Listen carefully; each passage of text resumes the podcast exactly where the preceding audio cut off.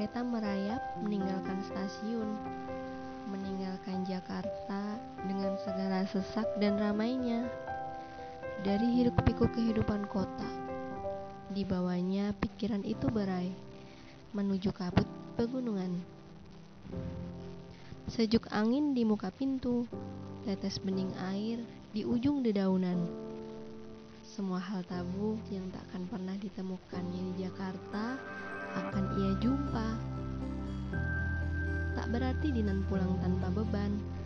Kepulangannya kini justru membawa cukup banyak beban. Ia harus rapat-rapat menyembunyikan derita. Dan entah mengapa pikiran tentang dia, tentang Saga, terus mengelilingi otaknya. Kedatangan Dinan di stasiun Bandung langsung disambut adik bungsunya, Kaila. Senyum mengemaskan itu tampak serupa dengan sang kakak.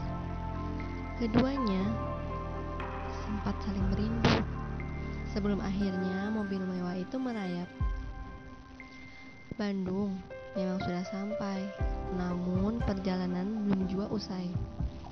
Masih 40 menit lagi mencap mencecap ramai jalanan. Turun naik, lika-liku menjamah beberapa kecamatan. Sampai akhirnya mobil terhenti di kawasan Cikole, Lembang. Dinan menatap jendela yang menampilkan pepohonan pinus sembari membatin banyak kata.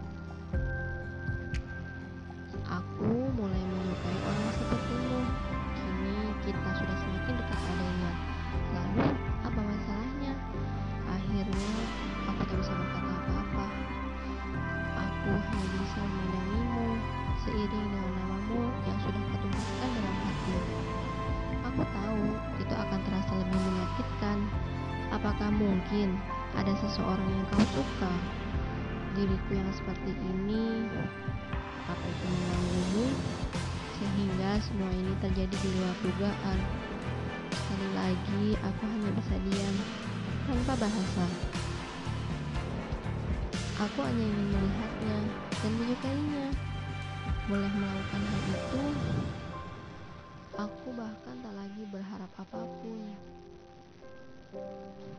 Kenapa aku bisa melihat alismu yang gelap dan telingamu yang tipis?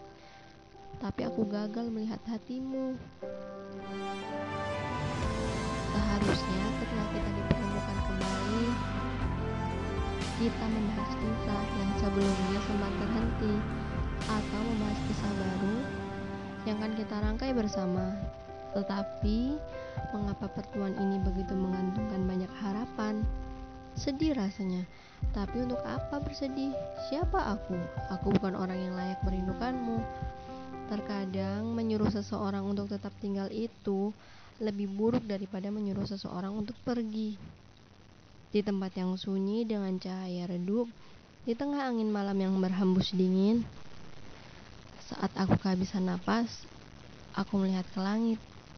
Ada cahaya bintang. Sekarang di sisiku ada seseorang yang berharga. Tolong menetap sedikit lebih dekat padaku. Bisakah kamu mendengar degup jantungku? Degup jantungku untukmu. Bahkan terkadang aku tak bisa menahannya. Apakah kamu melihat air mataku menyapu pipi bagai angin? Jujur, jika aku hanya memikirkan ego, aku hanya ingin menggenggam cintamu.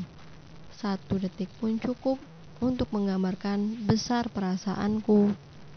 Rasa yang kutanam sendirian. Aroma gunung dan tanah basah begitu kuat. Kaki pun menjejaki rerumputan menuju rumah bergaya modern minimalis di kawasan tersebut. Alunan bel kuno begitu menyeruak bersamaan dengan sebuah cahaya kuning yang sorotnya semakin dekat. Dinan menyipit saat cahaya lampu begitu menyilaukan di tengah pekatnya malam. Sebuah ontel kuno yang eksis di tahun 90-an menyapa. Assalamualaikum Dara Dinanti. Begitulah suara husky itu terdengar, suara yang sangat tidak asing. Ternyata dunia ini begitu sempit. Terima kasih sudah mendengarkan podcast Portal Rindu. Sampai bertemu di episode selanjutnya.